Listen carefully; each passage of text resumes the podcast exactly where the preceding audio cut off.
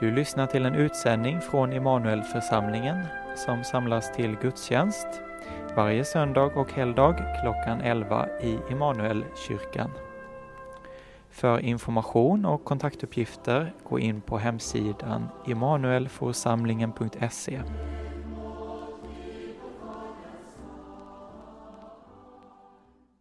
Allsmäktige, evige Gud, du som denna dag lät din son bli framburen inför dig i templet.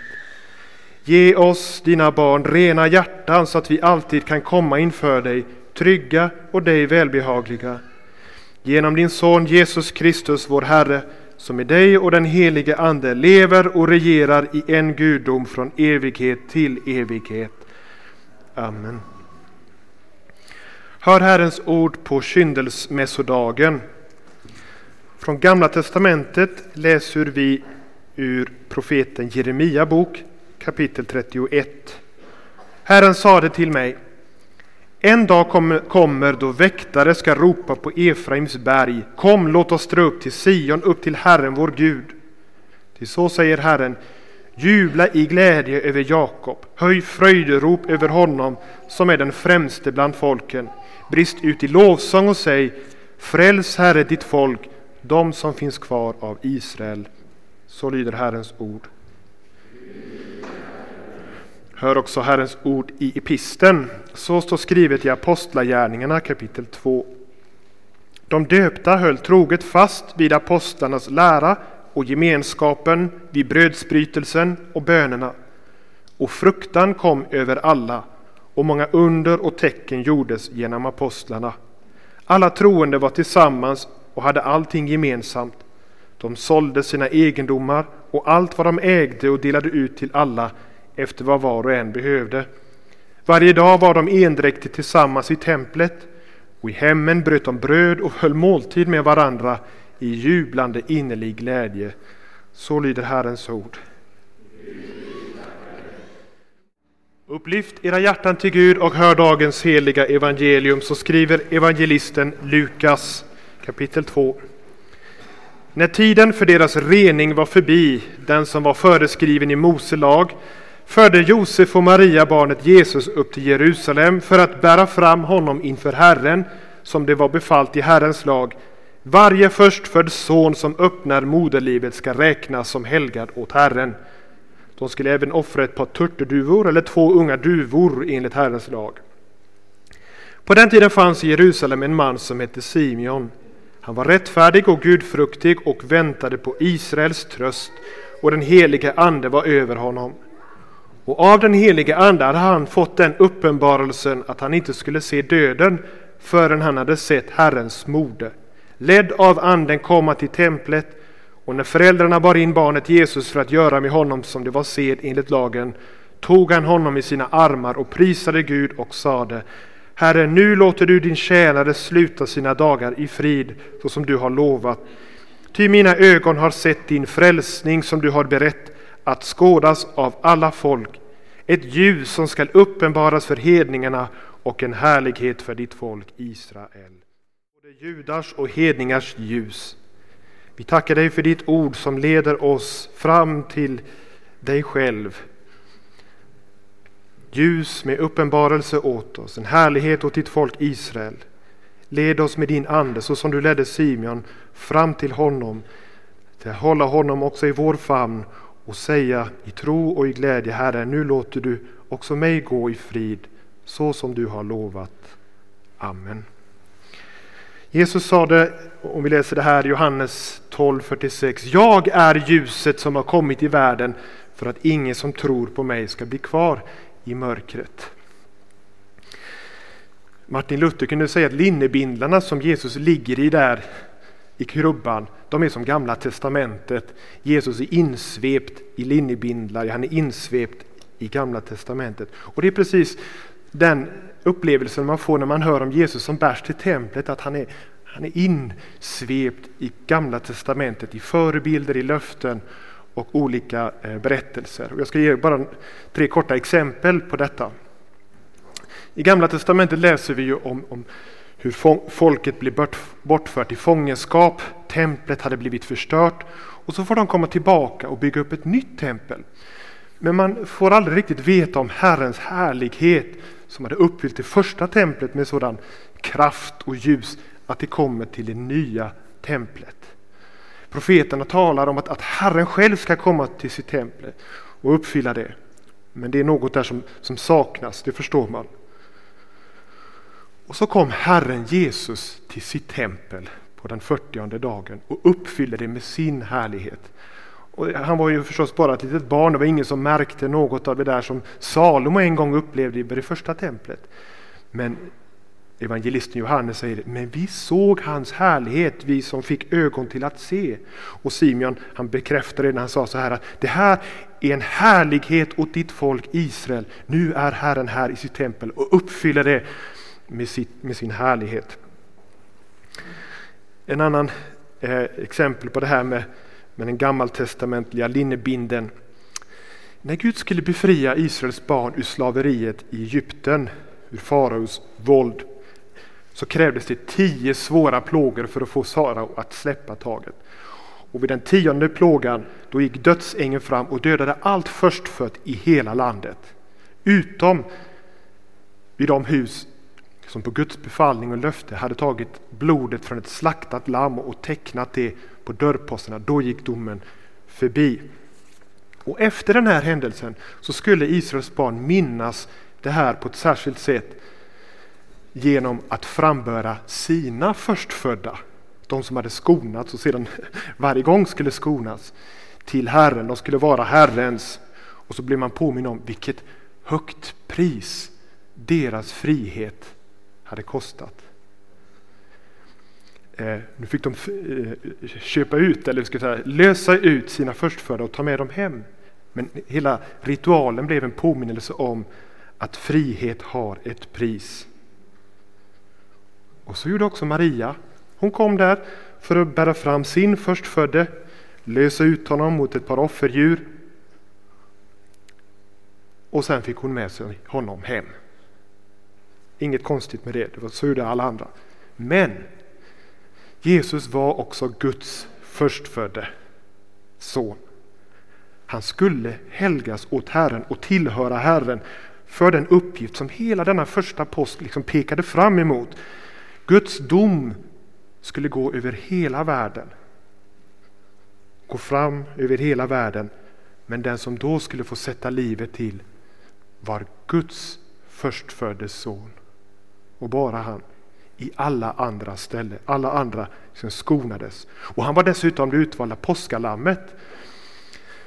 Jesu blod får vi höra om i skriften som rann där på korset. Det är liksom det vi får ta över våra liv och tecknar det på våra dörrposter och dörrarna. Det är liksom vår ingång och vår utgång. Ja, det tecknar vi med Lammets blod för att också få en visshet om att Guds dom, det går förbi. Herren bars fram i templet. Maria fick med honom hem, men nu tillhörde han Herren för detta heliga syfte. Och det tredje exemplet från gammaltestamentlig linnebindel, det var detta. Den här lagen var given åt Israels folk, åt Israel, som Gud kallade för sin förstfödde. Bland alla folk på jorden var Israel det förstfödda folket.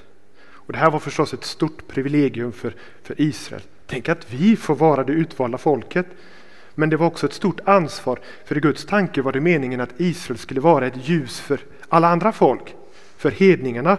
För i Guds tanke fanns det inte bara en förstfödde utan också en andrefödde och en tredjefödde. Och där till slut så blev svenska folket med på listan. Hedningar som Israels folk skulle vara ett ljus för. Och det gick ju eh, sådär kan man säga. Israels vittnesbörd det fick inte en massa hedningar att åkalla Israels Gud utan tvärtom ofta smäda honom så kom Maria med sin son, en sann israelit. Ja, den som skulle axla hela Israels börda att vara ljus åt alla andra folk. Och Simeon såg när han höll det lilla barnet, han är ljus med uppenbarelse åt hedningarna, åt alla andra folk, inte bara det judiska folket. Och det han gör, det kommer att bli skådat av alla folk. Det kan skådas av alla folk. När Pontius Pilatus spikade upp honom på korset så lät han anklagelseskriften skrivas på, på, på, tre språk. Det räckte inte med det folk som de flesta kunde, utan alla skulle kunna läsa och förstå. Detta är Jesus från Nasaret, judarnas konung och inte bara judarnas utan allas. Han är ljuset för hedningarna. Och en av de första som såg det ljuset, det var en, en av de romerska soldaterna. Han var sannerligen Guds son. Och nu är Jesus detta ljuset för dig och för mig hela livet.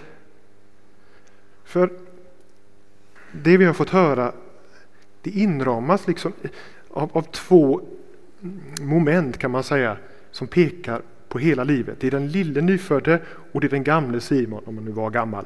Det är liksom från vaggan till graven och från vaggan så har vi i detta att Jesus bärs till templet en förebild på dopet. Och så har vi Simeon där som kan sjunga om sin död som om Jesus gav ett ljus åt hans död. Och det är precis så. Och sedan ska vi också för det tredje säga något om väntetiden mellan vaggan och graven. För vi hör om Simeon däremellan att han väntade och vi ska dra lärdom också av den väntan. Så tre saker. Ljuset vid vår vagga, ljuset vid vår grav och ljuset däremellan. Först ljuset vid vaggan. När ett litet barn föds så har föräldrar det stora privilegiet att få bära fram sitt barn i templet till Israels Gud. Det är faktiskt Israels Gud. Och höra de orden från Gud. Jag döper dig. Du är min. Du helgar åt mig. Och Det här ska man inte ta för givet. Under hundratals år så var det bara det judiska folket som hade det här privilegiet. Paulus talar om att när hedningarna kom in så var de som folk utan Gud och utan hopp i världen, men nu har de också räknats in. Det är ett stort privilegium. Och det visar på att varje litet barn av oss människor, kanske oönskade, är ändå väntade, efterfrågade och önskade av Herren.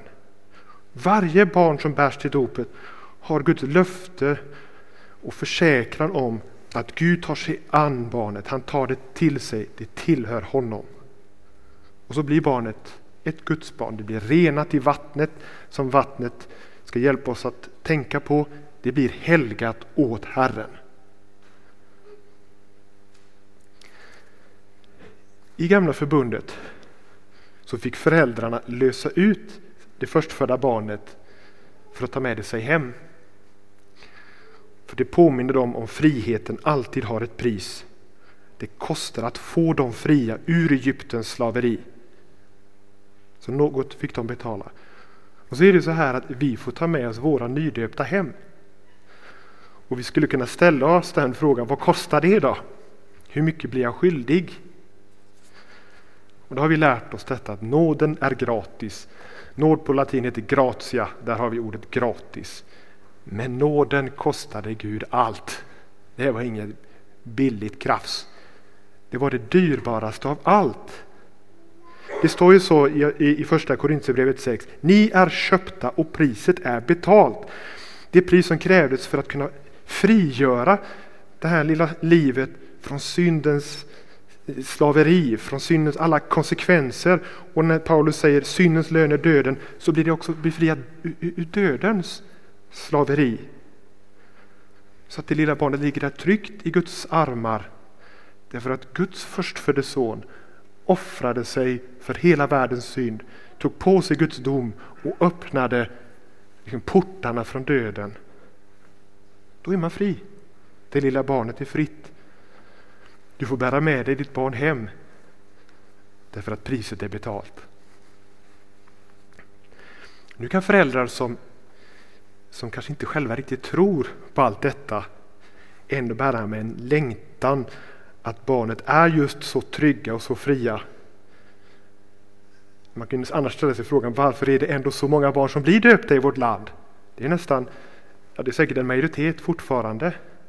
Och många går till sängs med sina barn och ber den lilla bönen Gud som haver barnen kär. Man önskar kanske i djupet att det skulle vara så. Ja, dopet är en gåva både för barnen att få tillhöra Herren, men också en gåva för föräldrar, eller hur?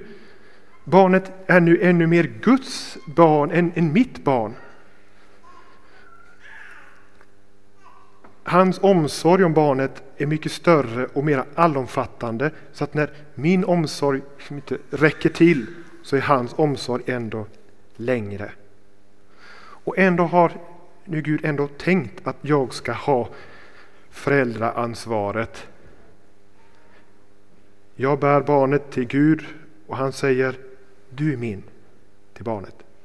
Och sen lämnar Gud tillbaka barnet. Ta hand om barnet. Ta hand om mitt barn.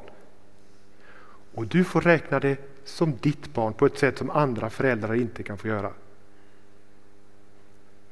Det är en stor ära och förstås ett stort ansvar. För det är ju meningen att barnen ska få upp ögonen för den stora tryggheten och friheten som ligger i just detta att vara Guds barn. Det är ju ett liv det handlar om, en grundläggande identitet. Barnet ska vandra genom en farlig värld och till slut dö. Vissa barn tidigare än andra och ha med sig denna gåva. Och här stannar det ju så, för så många föräldrar just vid denna längtan, vid denna kallelse. Man ger inte barnet någon bild av vad det är att vara Guds barn. Och i själva verket är det att glömma bort att det var just vad man själv fick i dopet. Barnaskapets frihet och trygghet hos Gud.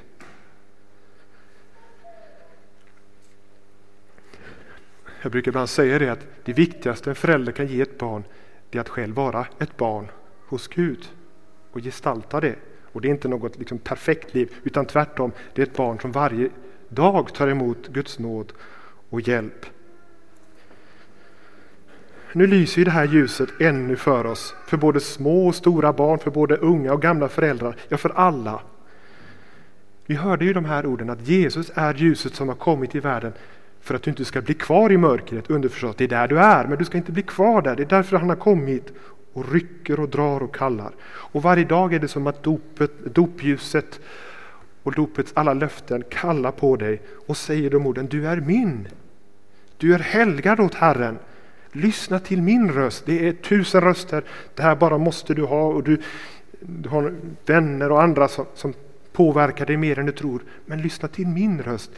Jag som kallar dig vid namn, du är min, du helgar åt mig. Har du en bibel, så hör, så läs, så se din Gud. Och du har fått barnaskapets gåva. Så tala, be till din fader. Och vet du inte hur du ska be eller hur du ska läsa så tala med någon som kan ge dig råd. En vän eller en själasörjare. Medan detta ljus lyser för dig. För det lyser inte för alltid. Därför att den där graven väntar på alla. Det leder över till den andra delen om ljuset, det ljus som lyser vid graven. Det står inte uttryckligen att Simeon var gammal. Bara att Gud hade lovat att han skulle se Herrens mode innan han dog. Så när han såg Jesus så sa han Nu, nu låter du din tjänare sluta sina dagar i frid. Nu går det bra att lämna världen, att lämna allt. Nu kan jag lämna och möta min Gud, min domare, min evighet. Nu går det bra. När han står med Jesusbarnet i famnen. Och det är viktigt att kunna säga de orden både om man är gammal och om man är ung. Kan du det? Kan du säga de orden med Simeon? Eller hur kunde Simeon säga de orden? För det första hänger allt på att Gud håller sitt löfte. För det var ju vad Simeon sa. Nu eh, eh, låter du din tjänare sluta i frid som du har lovat. För döden är oundviklig och den kan komma när som helst, det vet vi. Och det finns ingen frid med döden om inte Gud med goda ögon vakar över det hela, över livet och över döden. Och ingen frid med mindre än att jag kan vara viss om att det här tar Gud hand om. Simeon, han såg antagligen aldrig Jesus som vuxen. Förmodligen hörde han aldrig Jesus säga något och än mindre se honom korsfäst och uppstånden från de döda som detta tecken på att nu har döden tagits om hand om av Gud själv. Men Simon behövde inte det. För han hade löftena i skriften om att Messias skulle göra allt detta. Och han hade ett personligt löfte om att han skulle få se Messias. Så när han höll Messias i sin famn, då visste han, nu kan jag överlåta allt i Guds händer. Eller som jag sjunger i en sång, det är väl med min själ, det är väl med allt. Jag behöver inte se det. Gud är trofast. Nu lämnar jag allt i den levande Gudens händer och han som har visat sig vara den trofaste Gudens händer. Och så här är det också för dig och för mig. Det kommer aldrig vara enkelt att lämna jordelivet. Och särskilt inte om man är ung och man liksom har livet framför sig, som vi brukar säga. Men på ett Guds löfte så går det ändå att lämna både liv och död i Guds händer. Det här tar du hand om. Och du gör det redan nu när jag så här, lite så här räknar med att jag har 70 år eller hur många år jag tänker att jag har kvar. Jag lämnar det i dina händer redan nu. Men om jag kan vara redo på detta Guds löfte att lämna allt därför att det är så väl omhändertaget så måste det också betyda att han tar hand om det som du har fått ansvar för, som jag har fått ansvar för. Min familj, min omgivning, mina uppgifter, mina medmänniskor. Och det är inte meningen att man så där enkelt ska kunna lämna det ansvaret ifrån sig. Tvärtom. Det är ditt ansvar, du har fått det ifrån Gud. Men när dagarna är räknade av Gud själv så måste allt detta vila på Herrens axlar. Och Simeon kunde se på Jesus och säga och se Gud håller sina löften. Guds vilja sker. Allt slutar väl. Ja, för hela skapelsen kan han läsa om i skriften. Han tar hand om det. Och ändå är inte det svårast att lämna över ett ansvar utan att möta honom som jag står ansvarig inför. Det är det som väntar. Jag fick livet av honom. Jag fick varje dag, jag fick varje uppgift. Hur har jag varit ett barn när han har befallt mig att hedra och respektera mina föräldrar, mina lärare, mina överordnade? Hur har jag varit en make när Gud befallt mig att älska och ära henne? Hur har jag varit en fader när det är Guds barn jag har tagit hand om? Hur har jag varit en medmänniska när du gav mig människor runt omkring mig? När du gav mig till dem, även de svåra människorna har det mest handlat om vad de kan göra för mig och vara för mig och inte att jag har fått något som Gud använder för dem. Kan detta sluta väl? Kan mina dagar sluta i frid? När det står om Simeon att han var rättfärdig så står det också, och kanske just därför, att han väntade på vad? På Israels tröst. På Jesus som han fick hålla i sina armar. Han som också till slut var rövarens tröst när han skulle lämna och fick lämna sina dagar i frid. Kanske går det aldrig att sluta gräma sig över det som har varit, över det som blev fel, det som blev väldigt fel. Och rövaren kunde säkert se där i de ögonblicken på ett bortkastat liv med sorg och med ångest. Tänk all nöd och all smärta som han har orsakat i andra människors liv. Men den smärtan ser han till slut i Jesu egna ögon. Allt ont som vi gjort mot andra, mot oss själva, är gjort mot honom. Och han bär det där. In under Guds dom. In i mörkret. Ropet ut vid korset. Var är du Gud? Varför har du övergivit mig? Och vi kan ana svaret. Jo, det händer för att sätta Simeon fri, sätta rövaren fri, sätta dig och mig fria till att säga de orden nu i frid.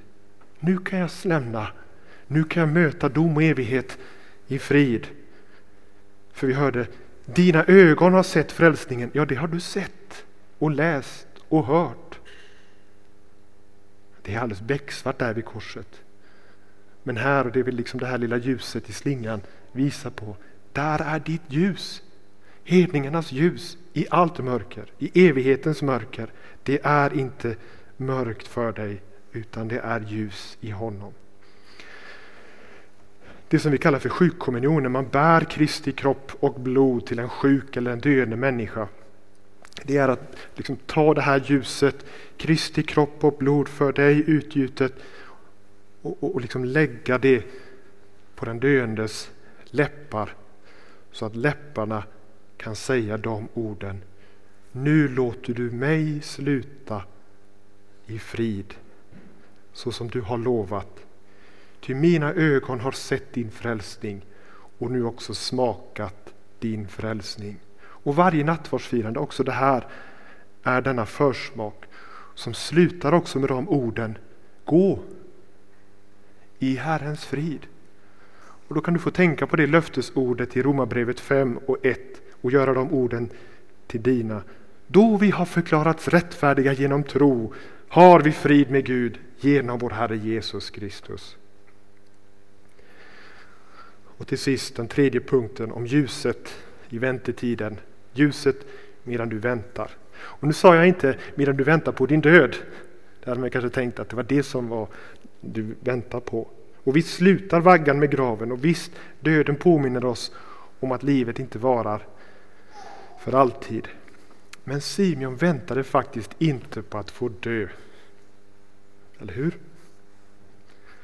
Han väntade på att få se Gud uppfylla sitt löfte.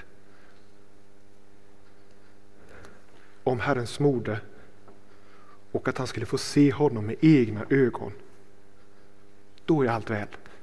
Om han kommer, den utlovade, då är allt väl med mig, då är allt väl med allt. Och det ska du också vänta på. Mer än något annat som du väntar på. Och göra det till din första väntan, så att säga. Och det kan man göra redan som ung. Det finns så mycket fint att vänta på när man är ung. Att bli myndig och få ta körkort, att sluta skolan och få börja arbeta, tjäna sina pengar, första pengar, att gifta sig och få familj. Och jag minns när, när jag var ung att, att jag tänkte Gud får gärna komma, Jesus får gärna komma tillbaka, men först efter ett antal saker som jag tänkte att det vill jag gärna ha. Och på ett sätt, du behöver inte vänta längre. För Jesus, han har kommit. Du har döpts till honom. Hans ord är dig nära, hans bord är dukat. Hans öra är öppet till att höra på dina böner. Du behöver inte vänta, som Simon behövde vänta. Men det finns ändå något du behöver vänta på. Och det är att hans goda verk får ske med dig i ditt liv, till mognad, till växt, till vishet, till tro, till omvändelse och allt det som du behöver på ett personligt plan. Ett par exempel på detta. Den som har varit borta från tron vet hur viktigt det är att vänta på Guds verk. Inte för att Gud är slö, utan för att det finns så mycket motstånd inom en själv. Så mycket blindhet och så mycket konstigheter. Det finns också de som ser tillbaka på livskriser och riktiga plågor med en viss tacksamhet. Därför att de såg, här lärde jag mig något viktigt om mig själv, om Gud, om allt. Och så fick de en erfarenhet som gjorde att jag kan ta emot det hårda och det svåra med en trons väntan. Jag väntar på Gud. Att detta ska samverka till det bästa till hjälp för mig. Hela livet är en väntan på att Guds goda vilja ska få ske i allt. Precis som det var där med, med Simeon, att han efter lång väntan fick äntligen se Jesus med sina egna ögon och då bli tillfreds på djupet. Nu ser jag att Gud håller vad han lovat och det är på något sätt det viktigaste av allt här i livet, att få se Guds löften uppfyllda i sitt eget liv. Ja, det är ju det som är att vänta på Israels tröst. Inte den tröst som vi själva liksom jagar och tar till oss, utan den som Gud ger. Den som han har lovat. Och då är det som det står i Ordspråksboken, den, de rättfärdigas väntan får en glad fullbordan. De rättfärdiga, vilka är det? Jo, det är de som i tro väntar på Israels tröst, på Guds nåd i Jesus Kristus, som väntar på hans handlande, på att han ska hålla vad han lovat.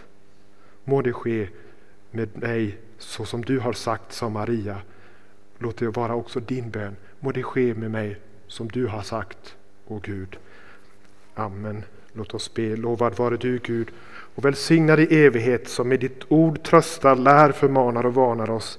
Helige Ande, skriv ordet i våra hjärtan så att vi inte blir glömska hörare utan varje dag växer till i tro, hopp, kärlek och tålamod till tidens slut och får bli saliga genom Jesus Kristus vår Herre.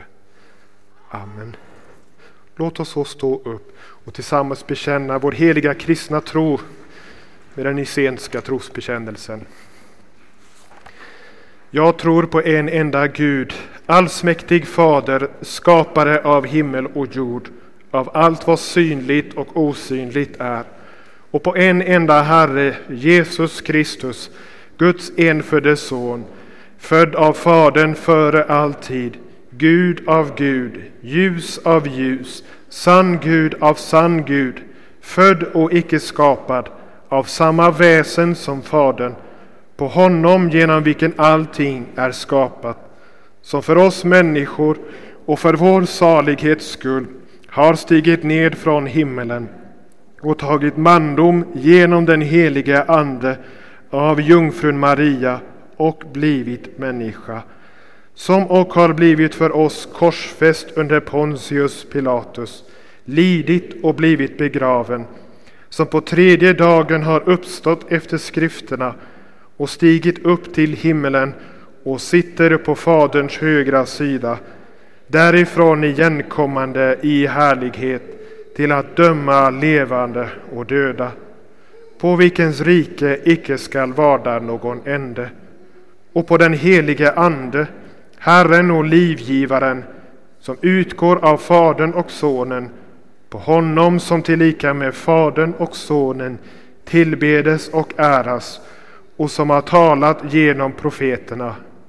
Och på en enda helig, allmännelig och apostolisk kyrka. Jag bekänner ett enda dop till syndernas förlåtelse och förväntar de dödas uppståndelse och den tillkommande världens liv.